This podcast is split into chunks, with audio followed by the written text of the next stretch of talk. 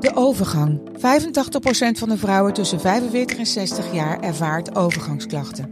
Klachten die kunnen leiden tot een verkeerde diagnose of langdurige arbeidsongeschiktheid. Wat kun je doen als je overgangsklachten ervaart? Hoe maak je dit bespreekbaar op je werk? En als jouw medewerker bij jou komt, wat kun je als werkgever dan doen? Sector Instituut Transport en Logistiek heeft een kennisplatform ontwikkeld waar jij terecht kunt voor tips en adviezen. Wil je er meer over weten? Kijk dan eens op stl.nl/slash overgang. In 9 van de 10 verzorgingsproducten zitten microplastics. Dat zie je niet altijd meteen. Ze zitten namelijk in de kleine letters van je ingrediëntenlijst. Dat is een groot probleem voor zo'n klein stukje plastic. Die microplastics zitten namelijk inmiddels overal, in de natuur en in je lijf. Gelukkig zijn er ook merken die gewoon microplasticvrij zijn. Want dat het anders kan, dat weten we bij Weleda, Lekker Company, Marcel's Green Soap, Naïef, Smaal en Witlof wel. Dus check de kleine letters. Die hebben de grootste impact. De stroom.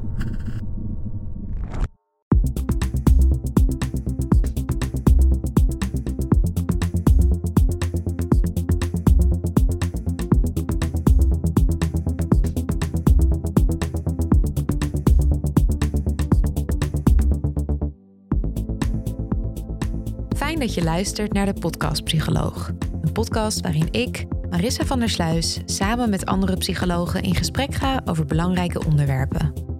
Om zo met z'n allen onszelf en anderen beter te leren begrijpen. Heb jij altijd al willen weten hoe het komt dat je doet wat je doet en bent wie je bent? Dat komt goed uit, want in de komende twee afleveringen gaan we uitgebreid praten over het onderwerp persoonlijkheid omdat dit thema zo universeel is en er zoveel over te zeggen valt, hebben we besloten hier extra tijd voor uit te trekken en er een tweeluik van te maken. In deze aflevering kun je luisteren naar het eerste deel van het tweeluik over persoonlijkheid, waarin we bespreken wat persoonlijkheid precies is, hoe deze zich vormt vanaf je kindertijd tot volwassenheid en op welke manier je persoonlijkheid kan scheef groeien als er als kind niet aan je basisbehoeften wordt voldaan. En de gast met wie ik dat allemaal ga bespreken is Eva Bloemers. Eva Bloemers is klinisch psycholoog en psychotherapeut. Ze is jarenlang werkzaam geweest binnen de forensische psychiatrie en werkt momenteel bij het Leids Universitair Behandel- en Expertisecentrum, waar ze intensieve traumatherapie geeft bij mensen met complexe posttraumatische stressstoornis. Daarnaast heeft ze een eigen praktijk en geeft ze les bij de opleiding voor gezondheidszorgpsychologen. Eva, welkom in de studio. Dankjewel. Ik wil het eigenlijk uh, eerst maar eens hebben over uh, ja, de term persoonlijkheid. Ik denk dat iedereen er wel uh, een bepaald beeld van heeft. Maar um, ja, waar hebben we het eigenlijk over als we het hebben over persoonlijkheid binnen de psychologie? Ja, ik dacht eigenlijk als we het hebben over persoonlijkheid, is best een complex begrip. En er zijn heel veel verschillende definities van te vinden. En waar het op neerkomt is dat ieder mens uniek is. Uh, er zijn eigenlijk geen twee mensen in de wereld die precies hetzelfde zijn. Nee. Zelfs twee, één eigen tweelingen zijn verschillen van elkaar. En als ik jou de vraag stel, als je stel dat je iemand aan iemand zou moeten voorstellen, iemand die jij niet ziet, die jou niet ziet en die jou niet kent, ja. wat zou je dan over jezelf vertellen? Jeetje, wat een moeilijke vraag. Ja. Ik denk zou... dat je dan uh, jezelf gaat beschrijven hoe je, hoe je bent. Ja. Dan zou je aan de hand van fysieke kenmerken kunnen doen. Ja dat je vrouw bent, je lengte, kleur ogen Ja. bijvoorbeeld. Meer wat basiskenmerken. Ja. Je zou het ook kunnen doen aan de hand van wat jij leuk vindt, wat je hobby's zijn. Mhm. Voorkeuren. Ja. Je kan het ook doen aan de hand van je persoonlijke geschiedenis. Hoe je bent opgegroeid en wat voor gezin je, uit wat voor gezin je komt, wat voor opleiding je gedaan hebt. Maar je kunt het ook doen aan de hand van eigenschappen. Ja. Wat typeert jou? Welke Ja. eigenschappen passen bij jou? En als we het daarover hebben, dan hebben we het veel meer over wat in de psychologie als persoonlijkheid wordt gezien. De eigenschappen die wij, jij als persoon, die jou kenmerken. Ja, die je typeren en Ja. doorgaans eh, ja, jou karakteriseren door de tijd heen. Ja. Dus ook wel redelijk stabiel zijn. En ook redelijk stabiel zijn, ja. Ja. Klopt, inderdaad. Ja. Dus als je je vrienden vraagt welke eigenschappen passen bij mij, dan zul je waarschijnlijk van verschillende vrienden ongeveer dezelfde eigenschappen horen. Ja, als het goed is wel. Als het goed is wel.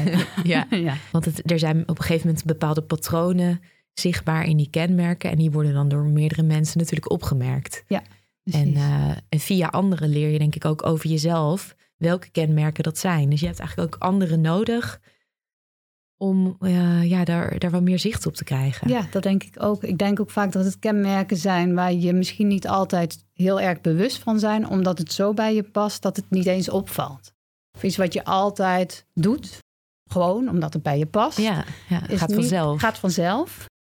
Is iets wat, wat, wat anderen zeggen, ja, maar je bent altijd zo betrokken bijvoorbeeld. Uh, dan denk je, is dat zo? Ja, blijkbaar wel. Daar ben ik me helemaal niet zo bewust van. Nee, ik voor jou is dat normaal. Ja, precies. Uh, en hoe wordt zo'n persoonlijkheid uh, eigenlijk gevormd? Ik, uh, ik heb wel eens vragen gehad. Is dat meer iets wat ontstaat door unieke ervaringen die je hebt? Of is dat juist al iets wat, wat in je zit? Zou je daar wat meer over kunnen vertellen? Ja, dat is ook iets waar de wetenschap zich lang mee bezig heeft gehouden. En het bekende nature-nurture debat bijvoorbeeld is, is persoonlijkheid of zijn menselijke eigenschappen nu vooral aangeboren? Of worden ze gevormd door wat je meemaakt, door de omgeving? Natuurlijk heel lang is daarover gediscussieerd in, uh, in de wetenschap. Er zijn ook keuzes, maatschappelijke, politieke keuzes gemaakt op basis van dat debat. Soms met al, alle gevolgen van dien. En eigenlijk is dat debat inmiddels achterhaald. We weten nu inmiddels dat mensen worden geboren met, nou, je kunt het bepaald temperament noemen, bepaalde eigenschappen. En dat die verder worden gevormd door de manier waarop ze opgroeien. Door hun opvoeding, mhm. eh, de mensen met wie ze, uh, door hun ouders, hoe zij uh, met, met hun kinderen omgaan. En dan dat temperament, wat, waar, waar, moet ik dan aan denken? Nou, wat bekend is bij baby's, kun je bijvoorbeeld al wel zien dat temperament zit heel erg in hoe prikkelgevoelig ze zijn. Oh ja. Of hoe actief ze zijn. Dat zijn echt wel eigenschappen die je bij. Ja, ik zeg altijd, maak altijd een beetje het voorbeeld. Ik heb zelf twee zonen. En van dezelfde vader, dus met dezelfde ouders. En ik heb dezelfde genen dus? Dezelfde genen. Althans, uh, dezelfde genetische make-up. Precies, ja. En um, ik heb het verschil in temperament al in mijn buik gevoeld. Oh ja. Mijn oudste zoon is veel rustiger van aard. En dat was ook voelbaar in mijn zwangerschap. Die voelde ik niet zo vaak. Af en toe kreeg ik eens een trapje, dacht ik, oh ja, hij is er nog. Ja. En eigenlijk is dat nog steeds een beetje zoals hij is. Oh. Een rust, rustige, zachtaardige jongen. Mijn jongste zoon was er continu. En eigenlijk is die er nog steeds die was continu. in je buik al aanwezig. Was in mijn buik al veel meer ja. aanwezig, ja. Dus dat zijn eigenschappen die bij ze passen. Mm -hmm. um, en die ook echt, dat zien ze ook bij nou, kleine baby's, drie maanden oud, kun je al eigenschappen vinden die je later in het leven ook al ziet. Ja, dus er is al een bepaalde blauwdruk of ja, misschien vingerafdruk om het zo maar te noemen. Maar vingerafdruk is misschien niet het goede woord, want dat blijft statisch. Ja. Terwijl die blauwdruk kan nog wel veranderen kan, ja, door, precies. door de ervaring in de opvoeding. Ja. ja, en eigenlijk moet je het een beetje zo zien dat je ook met zoals met eigenschappen kun je het ook weer als je het over de hele persoon bekijkt, heb je ook eigenschappen die min of meer vaststaan. Zoals je geslacht of de kleur ogen, dat verandert eigenlijk niet meer zo in je leven. En je hebt eigenschappen die wel veranderen in, in je leven. Um, dus bijvoorbeeld je leeftijd verandert uh, continu, maar ook waar je de activiteiten die je leuk vindt, verandert ook naarmate je ouder wordt. En eigenlijk zie je dat met eigenschappen ook een beetje. Dus ik denk de, uh, de mate van activiteit, de, hoe gevoelig je bent voor bepaalde prikkels, is eigenlijk iets wat relatief vaststaat, niet Ja. meer zoveel ontwikkeld. Maar hoe je daarmee omgaat, dat ontwikkelt zich wel. En daar komt ook de rol van bijvoorbeeld de opvoeding, de omgeving, om de hoek kijken. Dus daar, daar is, zijn de opvoeders belangrijk. Dus een kind wordt eigenlijk geboren met een bepaalde, bepaalde eigenschappen. We weten ook, er zijn onderzoeken gedaan naar die eigenschappen. En, en als je dan kijkt, dan kun je best wel al op basis van een driejarig kind voorspellen hoe iemand zal zijn als die 26 jaar oud is. Ja, echt? Is dat Ja. wel zo sterk? Oh. Maar het wordt ook weer stabieler naarmate mensen ouder worden. Dus de Kijk, in de persoonlijkheid tussentijd verandert is er nog, nog, wel. Ja, er is ja. dus nog heel veel mogelijk ook. Dat is allemaal nog best wel plastisch. Ja. Ehm, en in- is er nog een bepaalde periode in je leven wat het dan het meest cruciaal is, zeg maar, voor, eh, voor de vorming van je persoonlijkheid? Ja, dat, de, de kindertijd is een hele cruciale periode. En eigenlijk beginnen heel veel hechtingstheorieën gaan natuurlijk ook over die eerste periode eh, van baby's. En we Mhm. weten eigenlijk ook al, en dan heb je het over, nou dat is natuurlijk ook dat ingewikkelde debat over dat nature nurture, dat je al tijdens de zwangerschap, als moeders heel veel stress ervaren tijdens de zwangerschap, dat het ook weer iets maakt in ehm, hoe, hoe groot bijvoorbeeld je frontale cortex kan worden.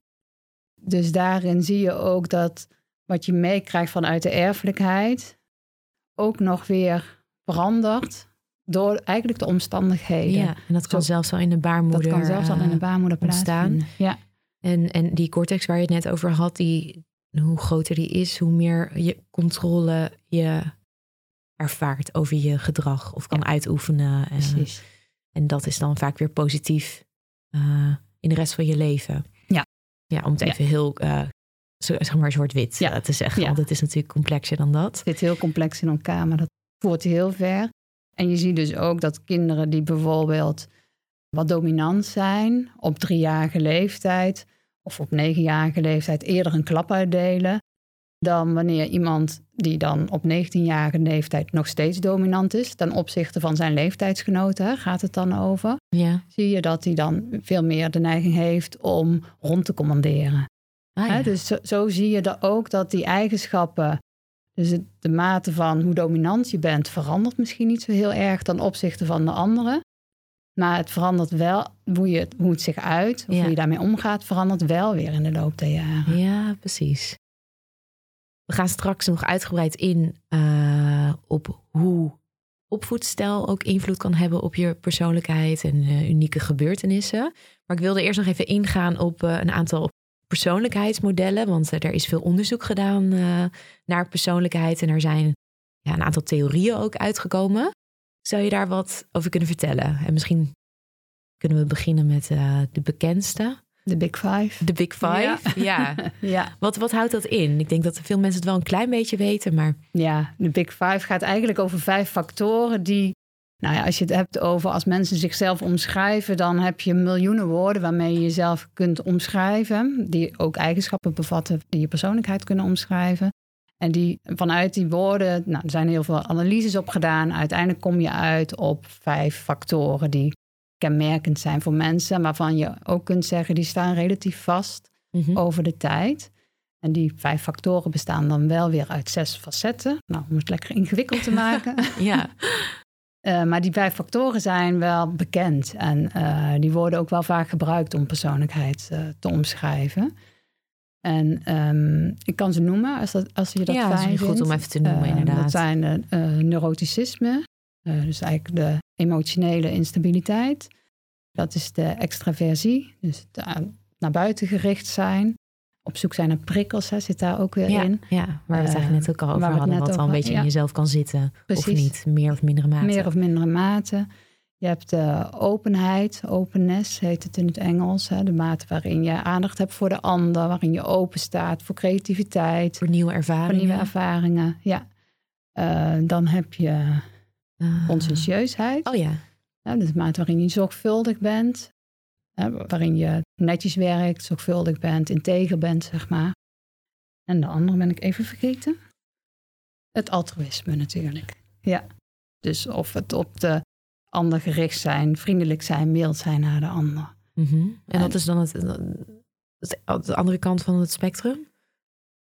De, eh, an- de andere kant van altruïsme is eigenlijk vooral op jezelf gericht Ja, ja, zijn. ja. Dus niet zo vriendelijk. Nee, en zijn dat, Eh, is dat een spectrum dan? Zijn al die factoren een spectrum? Dat je ergens. eh, Ja, je kunt er zit? laag, midden of hoog op scoren. En dan gaat het ook weer eigenlijk over. Het is niet zo dat je als je op de ene, het ene facet hoog scoort, dat dat beter is dan wanneer je daar laag op scoort. Maar het heeft wel consequenties voor hoe jij bent. Dus als jij ehm, bijvoorbeeld over die openheid, als je iemand bent die heel erg open staat voor nieuwe ervaringen en, daar, en dus hoger scoort op openheid, dan betekent dat dat je andere dingen zult ondernemen in je leven, waarschijnlijk, dan wanneer je daar laag op scoort. Want dan ben je gewoon wat meer, van, ga je meer vanuit het vertrouwde, heb Ja. je wat meer rust nodig. Dus daar zit, daar zit wel verschil in. Ja. En je ziet dat de meeste mensen eigenlijk niet zo extreem scoren. Hè, dus de ene is wat meer of minder open. Eh, en dat, nou, dat zegt iets over, een beetje, ik noem het altijd maar een beetje de kleur die je geeft aan het leven. Dus het, het, eh, in een bepaalde mate kan het wel voorspellen hoe je je globaal zal gaan gedragen in je leven, om het maar zo te zeggen. Ja. En persoonlijkheid is volgens mij best een hot topic.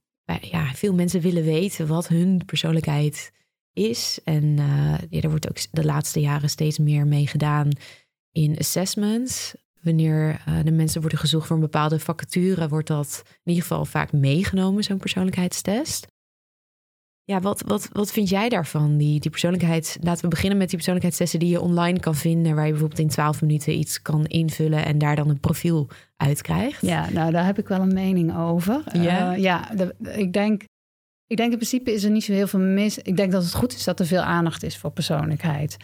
En ik denk ook wel dat het. Het zegt natuurlijk veel over wat je van mensen kunt verwachten. En hoe ze zich, hoe ze denken, hoe ze zich voelen. Um, je kunt ook, hè, daardoor kun je ook kijken of iemand efficiënt kan werken, bijvoorbeeld. Dus in die zin kun je er best wel wat dingen uithalen. Maar ik vind die populaire persoonlijkheidstest, vaak zijn ze wetenschappelijk niet onderbouwd. En vaak zeggen ze ook, je hebt deze eigenschap of je hebt hem niet. Ja. En waar we het net over hadden, is dat het veel meer gaat over een continuum, waar mensen hoger of lager op scoren. Um, en daar zit wel een gevaar in. En dan gaat het soms ook, dat kan ook zijn eigen leven gaan leiden. Dus als je dan uit die persoonlijkheidstest komt dat je, noem eens wat, nou ja, ik, ik heb een, aantal jaar geleden zo'n persoonlijkheidstest ja. online gedaan. Dat aan, op aanraden van een vriendin. En dat was de 16 Personalities Test. Ik denk dat heel veel mensen deze test ook hebben ingevuld. En toen uh, kreeg ik dus het profiel campaigner. Ik weet even niet precies welke letters er allemaal bij horen.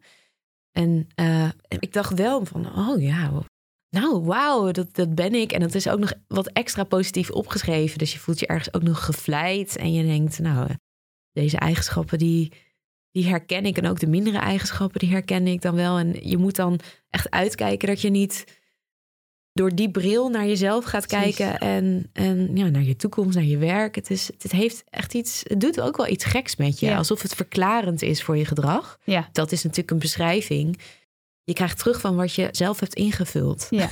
Maar dan in een, in een, Ja. eh, in een verhaal. Ja, precies. Dat is natuurlijk ook, je zegt over jezelf. En we hadden het net over, soms weet je de eigenschappen die jou zo kenmerken. Ben je soms niet eens zo heel erg bewust van. Dit zijn zelfrapportagelijsten. Daar zit natuurlijk al een beperking in. Ehm, en nou ja, wat jij zegt, van het, het geeft een hele stevige beschrijving over wie je bent. En dat, nou, dat is vaak heel fijn om te horen. Of dan denk je, oh ja, dit herken ik. Natuurlijk herken je Ja. het, want je hebt zelf de lijst Ja, ingevuld, denk ik dan. Ja. Ehm, en, en het gevaar zit hem in inderdaad dat je je er daar te veel door laat leiden of naar haar gaat gedragen. Mhm. En dat, kijk, ook als, als je het gebruikt bijvoorbeeld voor werk, dan eh, de werkomstandigheden, de collega's met wie je werkt, hoe het is geregeld op het werk, zijn ook van invloed op hoe jij presteert op het Ja, werk. ja. En dat vlak je eigenlijk helemaal uit als je mensen op basis van één zo'n enkele test aanneemt of niet. Dus ik denk dat je de mensen ook mee tekort doet. Ja, ook dat. Ja. En als je zelf dan zo'n uitslag hebt, kan, je, kan het ook zijn dat je er onbewust misschien ook meer naar gaat leven of meer naar Ja. gaat gedragen, denk ik dan. Waardoor je zelf ook, jezelf ook wat eh, simplistischer maakt dan nodig. Ja. En waarbij het soms ook een beetje de, zelfs het niveau van een horoscoop heeft. Dus als Nou, je ja. leest in, de, in een tijdschrift wat jou deze maand gaat overkomen, dan kun je ook Tuurlijk nog denken. herken je daar dingen in. Ja. Ja. en dat is ook die confirmation bias van ja, je, je, je ziet dan gewoon de dingen waar je bevestiging Ja, voor precies. wil. Ja. Eh, en wat betreft persoonlijkheid, daar moet ik dan ook denken aan een keer iets wat ik hoorde. Dat, dat de persoonlijkheid vergeleken kan worden met, met een klimaat. Maar dat binnen een bepaald klimaat er natuurlijk heel veranderende weersomstandigheden zijn. En dat je dat niet moet vergeten. Dat, je, dat het misschien wel zo is dat je doorgaans in een werksituatie. Nou ja, misschien niet zo productief bent, maar wel onder bepaalde omstandigheden heel productief kan zijn. En dan word je toch op, die, op het klimaat afgerekend. Terwijl ja, het kan onder bepaalde omstandigheden wel heel anders zijn. ja, ik vind het eigenlijk een he- hele mooie metafoor daarvoor. Als je zegt van ja, dat is eigenlijk, hè, je komt inderdaad met een soort van basis, kom je in omstandigheden terecht. Ja, En die bepalen in, ja, in welke min- meer of mindere mate jouw eigenschappen tot zijn recht gaan komen. precies. Ja. Ja. Dus dat, nou, ik denk dat het, dat genuanceerde beeld is denk ik wel belangrijk om dat te houden. En, en Mhm. daarmee zeg je niet het is niet belangrijk. Want ik denk zeker als je het zorgvuldig bekijkt, is het ook belangrijk. Ja, heel belangrijk. En binnen de GGZ is het ook wel iets wat belangrijk is. Omdat je soms wil snappen waarom mensen met bepaalde... hè, Bijvoorbeeld mensen met een angststoornis, om maar Mhm. even een voorbeeld te noemen. Waarom de ene persoon wel opknapt van de standaard CGT-behandeling. Ja, cognitief gedragstherapie. Ja. ja. En de andere persoon juist helemaal niet opknapt. Of een succesvolle angstbehandeling heeft gehad, maar daarna eh, een depressie krijgt. Nou, dan, ga je, dan komt eigenlijk persoonlijkheid ook in beeld. Hè? Dan wil je gaan begrijpen waarom, nou, waarom verschillen mensen daarin zo. En wat zegt dat dan over iemand? En Ja. als we dan snappen hoe zit die persoonlijkheid in elkaar, kunnen we daar dan beter onze behandeling op afstemmen. Ja. Hè, dus in die zin, Het is heel belangrijk om het mee te nemen. zeker. Ja. Ja, want we hadden het er net al even over ehm, dat een persoonlijkheid zich ontwikkelt door opvoedstijl en door bepaalde ja, gebeurtenissen ook die plaatsvinden in het leven. En het is natuurlijk de hele tijd een eh, ja, interactie van omstandigheden en het individu zelf. Ja.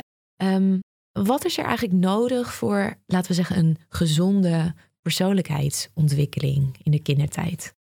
En wat ik denk wat heel belangrijk is, is dat kinderen een veilige basis hebben. En dat klinkt altijd heel mooi, maar wat is nou een veilige basis? En ik vind altijd wel mooi, het gaat eigenlijk over goed genoeg. De good enough mother werd er vroeger gezegd. De goed genoegen ouder zou ik willen, eigenlijk willen zeggen. En dat is niet zozeer de ouder of de, nou, de ouder die er altijd of continu voor iemand is. Uh, maar het gaat veel meer over dat je een ouder hebt die sensitief is voor het kind. Dus dat je ziet als ouder, je kind ziet en ziet wat het kind nodig heeft op bepaalde momenten in het leven. Dus dat je soms grenzen moet stellen als, als een kind over de grens gaat. Maar dat je soms ook mag motiveren en stimuleren als het kind wat voorzichtiger of wat meer in zichzelf is. Dus dat daarin heb je ouders nodig die dat snappen, begrijpen, aanvoelen. Mhm. En voldoende veiligheid, basis creëren waarin een kind zich kan ontwikkelen. En dat klinkt heel moeilijk, maar ik denk eigenlijk dat de meeste ouders, dat weten we ook, dat de meeste ouders dat gewoon ook wel doen. Ja, ja, Ja, ook eh. van, van, vanuit zichzelf, vanuit nature. Ja. En dat hoeft dus echt niet perfect te zijn. Zeker niet. Want een kind is ook flexibel genoeg Ja. om... eh, ja, die kan echt wel tegen een stootje. Maar moet vooral niet structureel verkeerd lopen. nee, precies. Ja, want ieder mens heeft ook bepaalde eh, basisbehoeften. Ja. En eh, de psycholoog Jeffrey Young, dat is ook degene die de schematherapie ontwikkelde, die identificeerde vijf van die basisbehoeften. En eh, nou, laten we die even gaan bespreken. Welke basisbehoeften zijn er eigenlijk allemaal? Ja, dan hebben we het al over de basisveiligheid. Ja, dus het feit dat je weet, kunt vertrouwen dat je ouders er zijn. Op momenten dat je ze nodig hebt, dat ze niet zomaar verdwijnen. Mhm. Eh, het gaat ook over verbondenheid. Eh, dat je je verbonden voelt met de ander. Dat je getroost wordt als je het nodig hebt. Dat je samen plezier kunt maken. Dat, is, dat gaat over verbondenheid. Ja. Dat, je, dat, dat, je, dat er naar je wordt geluisterd. Eh, het gaat over autonomie. Mag je zijn wie je bent? Mag je jezelf daarin ontwikkelen? Mag je je eigen mening vormen? Mhm. Je eigen hobby's uitoefenen? Eh, een eigen persoon zijn. eigen persoon zijn. En ook de ruimte krijgen, toch? Want ik ja, kan- om dat te ontdekken. om dat te ontdekken. Dus Ja. dat betekent ja, dat je wel beschermd wordt of wel een veilige omgeving hebt, maar ook wel genoeg ruimte dat je zelf dingen mag uitvinden. Ja, inderdaad. Ehm, het gaat ook over zelfwaardering. Dat je je gewaardeerd voelt. Hè. Dat zit een beetje ook in die autonomie. Maar dat je ook voelt dat je gewaardeerd wordt om wie je bent. Dat ouders het leuk vinden. Dat je misschien een hele andere hobby kiest dan dat je zelf als ouder zou kiezen. Maar dat je dat Dat je daar ook- support in krijgt en dat daar positief op gereageerd wordt. Ja. Ja. En vaak zie je natuurlijk als ouders zelf iets heel leuk vinden, dat ze dan ook willen dat hun kind die kant uitgaan. Ja. En als het Ehm, kind iets heel anders doet, ja. hoe reageer je dan? Precies. Ja. Kun je dat dan verdragen? Vind je dat oké? Vind je dat misschien zelfs leuk dat ze dat doen? Ja, Eh, sta je eigenlijk, bij, hoe, hoe is het met jouw openheid? Sta jij open voor die nieuwe ervaringen? Daar, daar gaat het dan vaak over. ja. En als er dus positief op gereageerd wordt, dan wordt er voldaan aan die basisbehoeften Ja. van eh, Ja. zelfwaardering voor dat Zelf- kind. Ja, precies. Je krijgt dan het gevoel, ik mag mijn eigen dingen doen en ik word alsnog gewaardeerd. Ja. Ik mag het gewoon ontdekken eigenlijk in het leven. Hè? Dat is, eh, en ik ben oké zoals ik ben. Daar, daar gaat het heel erg over. Oh ja. Dus het is ook weer anders dan dat, dat je kinderen alleen maar complimenten geeft of alleen maar alles leuk vindt. Dan schiet je eigenlijk weer een beetje door. Maar dat een kind eigenlijk voelt, het is prima zoals ik ben. Ook al zijn mijn ouders, voelen mijn ouders niet uh, dezelfde, uh, hoe zeg je dat? Passie. Ja, precies. Ja. ja, voor mijn hobby. Ja. En dan heb je nog de zelfexpressie. Dat zit daar ook wel een beetje mee. Hè? Dat, dat kinderen zich mogen laten zien. Uh, dat ze zich mogen en kunnen uiten. Uh, dat ze ook boos mogen zijn. Uh, maar dat ze ook plezier mogen hebben. Een hele belangrijke. Dat zit in de zelfexpressie. Mm -hmm. mogen spelen. Mogen spelen. En de laatste en toch ook een hele belangrijke zijn de realistische grenzen. Wordt vaak vergeten, denk ja. ik. Ja. Zie, zie, denk je dat ook? Ja. Ja, ik denk dat ouders het over het algemeen ook wel ingewikkeld vinden om grenzen te stellen aan hun kind. Want dat is niet het leukste, kan ik je vertellen. Ook uit eigen ervaring. Mhm. Het is leuker om toe te geven dan om een grens te stellen. Ja, want dan heb je die instant uh, boost eigenlijk van... Uh, oh, je bent een leuke moeder, want je Ja. laat het toe. Ja, precies. En terwijl op lange termijn ja, is het beter voor een kind om wel begrensd te worden. Ja. ja, en kinderen hebben nou eenmaal, mensen hebben sowieso grenzen nodig. Ik denk kinderen, maar volwassenen ook. We hebben allemaal grenzen nodig. En er zitten grenzen aan het leven, grenzen aan wat je kunt. En die grenzen zijn, dat is belangrijk. En het gaat er heel erg om hoe die grenzen worden gesteld. Dus een voorbeeld van een kind dat heel erg boos is en daarmee eruit ingooit met de steen, omdat hij zo boos is en uh, zijn woede niet zo goed kan beheersen. En dan gaat het erom ja, dat een kind hoort dat hij best boos mag zijn. En dat je misschien ook wel snapt dat hij heel erg boos is. Maar dat je geen ruiten mag ingooien. Daar, daarin zit een, ook een verschil in. Ik, ja, het Ja. is ook een beetje de toon die de muziek maakt, denk ik wel eens. Ja, dus dat de, de emoties er wel mogen zijn. En dat je die ook ziet als ouders en accepteert. Maar ja, echt het een, ehm, dysfunctioneel gedrag of eh, destructief gedrag, Ja. dat je dat wel begrenst. Begrensd, ja. Kijk, en ik zeg het nu heel rustig. Ehm, als ouder ben je ook maar gewoon mens. Ja, tuurlijk. Dan en word je misschien ook En word getriggerd en, misschien ook boos. getriggerd ja. en boos. En dat is een beetje dat, dat zit een beetje in dat goed genoeg, denk ik. Dat je daarin ook af en toe zelf uit je slof schiet. Eh, maar daar, ik denk als je daarop terug kunt komen en ook kunt zeggen: Oh, sorry, ik was ook even te fel of ik was ook even niet zo aardig. Dat, dat repareert ook heel veel. Mhm. En daarin leren kinderen ook dat andere mensen ook mensen zijn met eigenschappen en hun persoonlijkheid. En soms ook onredelijk kunnen zijn. Ja. Maar dat het niet betekent dat het meteen gevaarlijk wordt of onveilig wordt. En dus daar, ik denk, het zit hem ook heel erg in de, in de balans. Dus als je altijd maar ingehouden bent of aardig een grens wil stellen. Ja, ik zou niet weten hoe ik het moet doen. Ja. en ik denk, dat, ik denk dat het voor kinderen ook niet zo goed is. Nee, dat is Nee. ook weer niet natuurlijk. Nee. Kind mag ook wel eens zien dat jij als ouder ook de controle kan verliezen. En Ja. dat je daarop terug kan komen en op kan reflecteren en dat het te repareren is. Ja. Dat dat op zich ook al een heel leerzame situatie is. Ja. Waarom is het zo belangrijk dat er ook grenzen worden gesteld? Waarom hebben mensen of kinderen daar behoefte aan? Ja, kijk, je wordt geboren met een bepaald temperament. En als wij al, eh, en ook met bepaalde impulsen. En als wij zomaar al onze impulsen zouden uitleven, dan zou het één grote chaos worden Ja. in de wereld. Dan passen we gewoon niet in de maatschappij waarin Nee. we nou eenmaal leven. En dan leer je eigenlijk niet de juiste tools om onderdeel te zijn van Ja. een maatschappij waarin er nou eenmaal grenzen zijn. Precies. En ook als je later, als je gaat werken of als je te maken krijgt met dingen die niet doorgaan, met teleurstellingen, daarmee leren omgaan, is heel belangrijk als Ja. je dat een beetje kunt. Dus als jij nooit grenzen hebt gehad, ben je eigenlijk ook nooit teleurgesteld. Ja. En dan weet je later, als je, als je teleurgesteld wordt, kun je er eigenlijk gewoon niet zo goed mee omgaan. Nee. Dus dat is, denk ja, soms is die kindertijd denk ik ook wel eens een oefenperiode voor hoe je in je latere leven eh, als, als volwassene functioneert. Ja. In serieuze situaties, Ja, zeg maar. precies. Waarin je alleen bent en niet meer eh, op je ouders eh, kan leunen daarin. Ja.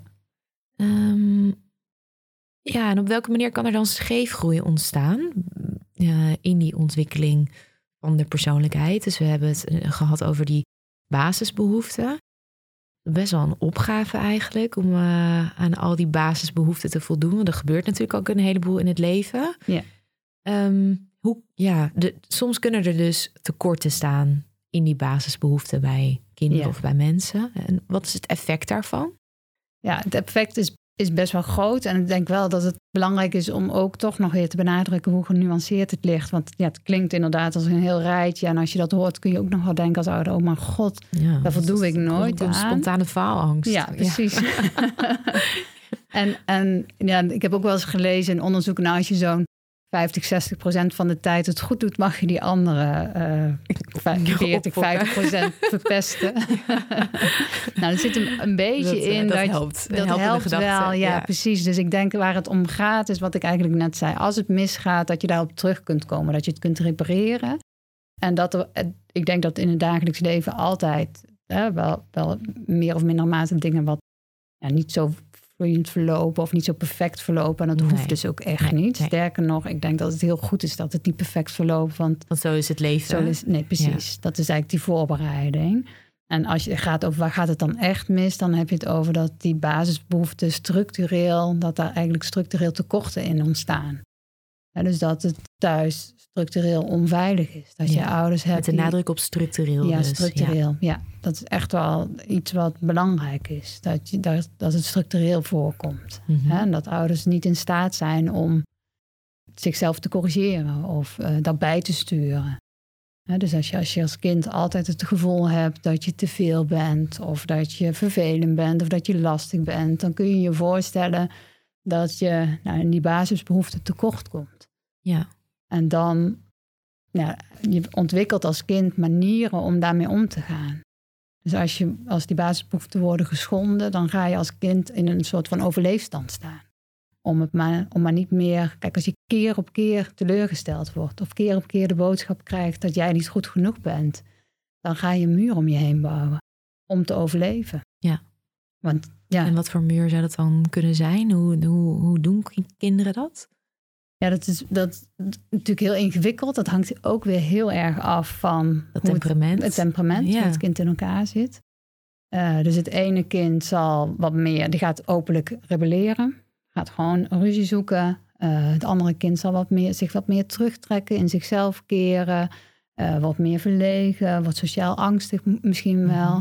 En zo zie je dat, Je probeert meer op zichzelf te vertrouwen. Ja. Omdat eh, Ja. dat gewoon niet, de omgeving is niet veilig. precies. Dus eigenlijk zoek je met je aanleg, je temperament, zoek je manieren om te overleven binnen een omgeving waarin het onveilig is. Ja, een soort beschermingsmechanisme die op dat moment waarschijnlijk ja, in meer of mindere mate functioneel is. Ja. Maar het is daar wel in ieder geval voor bedoeld om Zeker. jezelf Ja. te beschermen. Zou je wat voorbeelden kunnen noemen van, eh, ja, van effecten van zo'n tekort in, in basisbehoeften? We, hoeven ze, we gaan ze niet allemaal meer bespreken, maar ehm, kan je illustreren eh, wat er dan zou kunnen gebeuren? Ja, als we het hebben over die basisveiligheid, als, als die behoefte geschonden wordt, dan zie je eigenlijk dat bepaalde patronen ontstaan. Patronen die we ook wel de schema's noemen, is misschien wel Mhm. goed. Hè? Dat is eigenlijk een patroon wat bepaalt over hoe je denkt, hoe je voelt, hoe je je gedraagt. En dan zie je eh, dat als aan die veiligheid in het gezin, als, daar, als het daar niet oké is, dan zie je En wat voor soort, op wat voor soort manier kan, kan die veiligheid eh, er dan niet zijn? Nou, denk bijvoorbeeld aan een ouder die zelf problemen heeft. ehm, bijvoorbeeld met middelenmisbruik. Ja, Eh, dus als je een moeder hebt die ja. continu met drank bezig is. s S'avonds slapeloos op de bank ligt. Soms verdwijnt omdat ze naar de kroeg gaat. eh, je niet weet wanneer ze weer thuis komt en in welke staat ze thuis komt. Ja, dat zijn wel voorbeelden van waarin de veiligheid, de basisveiligheid in het gezin onder druk komt te staan. ja. En vaak zie je als een van beide ouders de boel goed kan opvangen, dan valt het nog mee in wat voor patroon of schema iemand ontwikkelt. Mhm. Maar als, bij, als de andere ouder niet in staat is om daar adequaat mee om te gaan, eh, en dat zie je vaak bij die basisveiligheid. Meestal zie je dat, er, dat het gaat over of één oudergezinnen of ouders die beide problemen hebben. En dan wordt de basisveiligheid in dat gezin echt geschonden. Eh, nou, dan kun je, kun je ook bij alles voorstellen dat een kind een patroon moet ontwikkelen om zichzelf staande te houden. Ja, Want ja. je moet dan, je komt in een overleefstand terecht. Je moet voor jezelf ja, die veiligheid eigenlijk creëren. Of tenminste, dat, Ja. dat gevoel heeft dat kind onbewust. En dan zie je ook dat kinderen andere mensen niet meer vertrouwen. Want als jouw ouders al niet te vertrouwen zijn, ja, wie in de wereld is dan te vertrouwen? Dus dan bouw je als het ware die muur om jezelf heen waarvan je denkt, ik hou anderen altijd op afstand. Ja, ja, Ik, ja. ik laat me niet meer zo raken of ik ga niet meer vertrouwen dat de ander er wel voor mij is. Hè? Dus dat is eigenlijk, dat is ook het nare van zo'n patroon, daar waar het heel, heel functioneel is en soms zelfs adequaat is in die kindertijd. Eh, zie je dat het in het latere leven iemand in de weg komt te Ja. zitten. Want het legt zich wel heel diep vast in bepaalde overtuigingen. Dus het, het, Ja. het vormt als het ware een bril waarmee je in eh, latere jaren naar de werkelijkheid eh, Ja. kijkt. Terwijl dat helemaal niet meer de werkelijkheid hoeft te zijn. Want je bent misschien later al uit die situatie. Ja. Dus, Dus dat, dat- heeft invloed op de rest van je persoonlijkheid. Ja, en dat is soms heel ingewikkeld, omdat mensen dan zeggen: ja, maar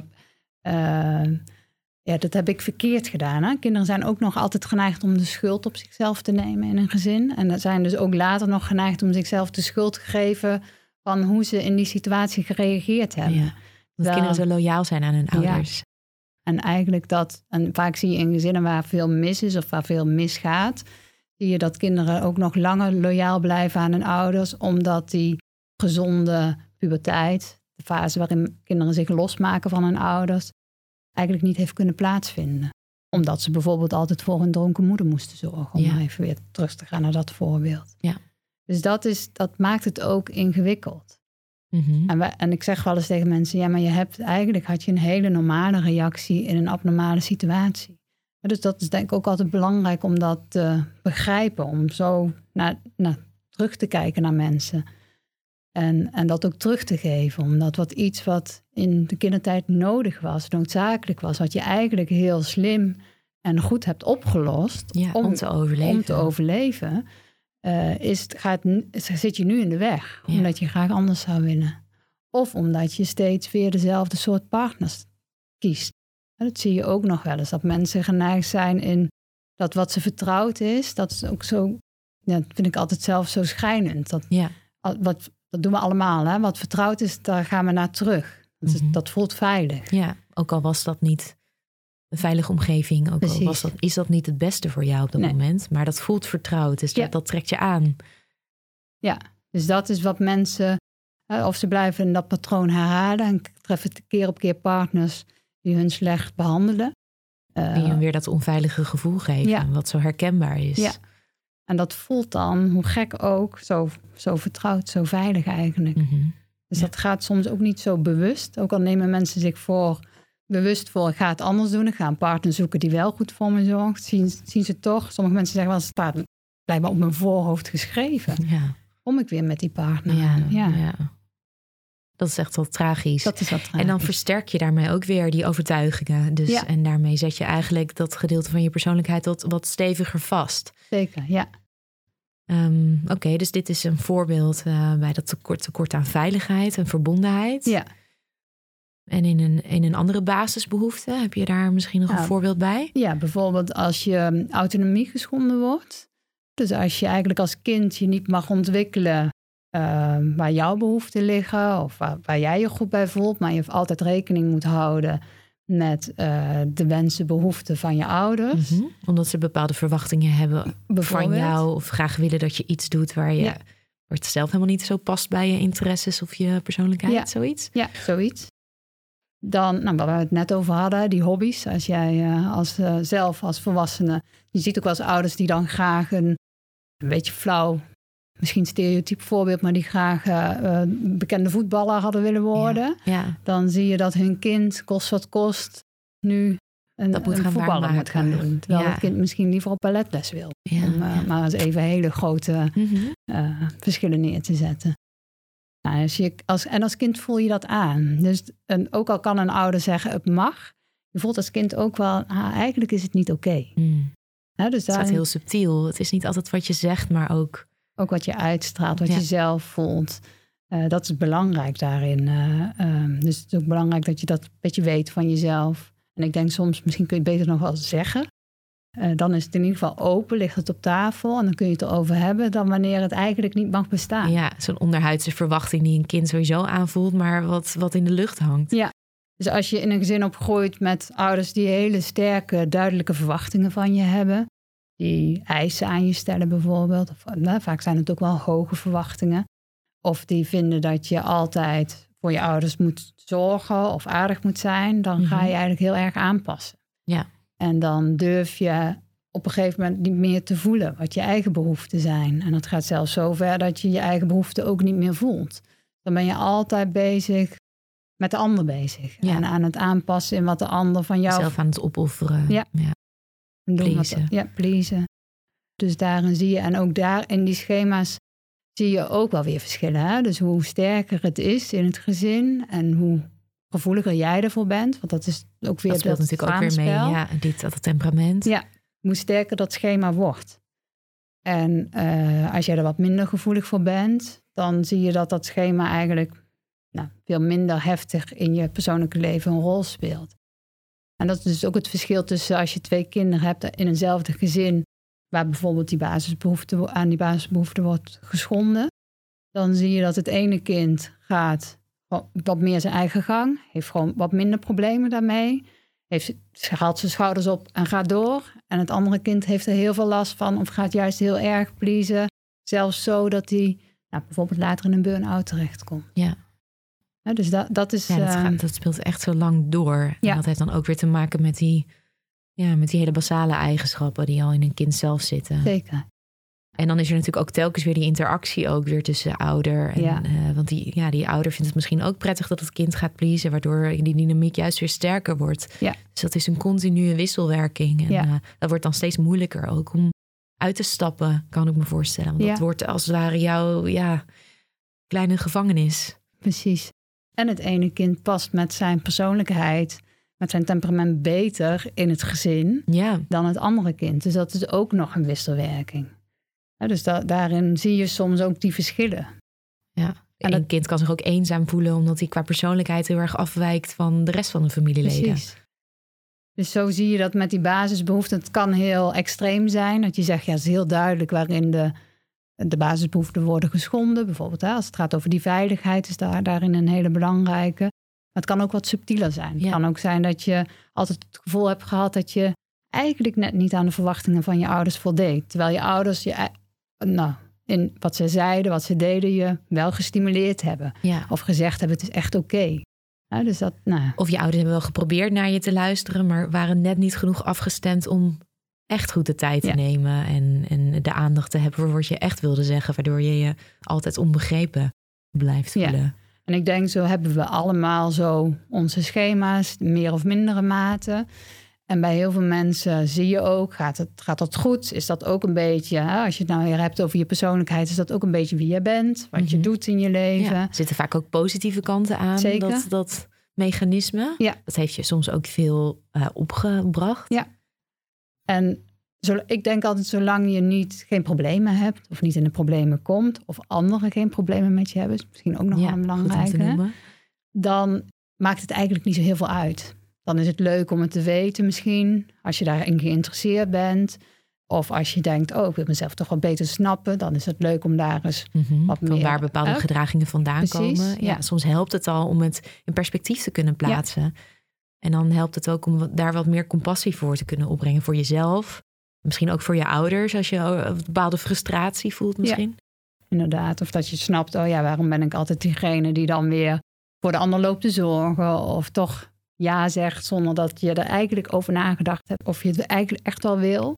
Mhm. Nou, dat zijn van die dingen waarvan waar- ik denk dan altijd een beetje nuance, een beetje bijschaven. Ja, ja. Eh, en dan, maar in principe, als jij je leven kunt leiden eh, zonder dat je zelf intern leidt, want soms is het ook wat meer verborgen, hè? lijkt Ja. het aan de buitenkant wel dat iemand eh, nou ja, sociaal, maatschappelijk succesvol is, heeft een vriendenclub, heeft een relatie. En dan zie je aan de buitenkant niet wat er van binnen speelt.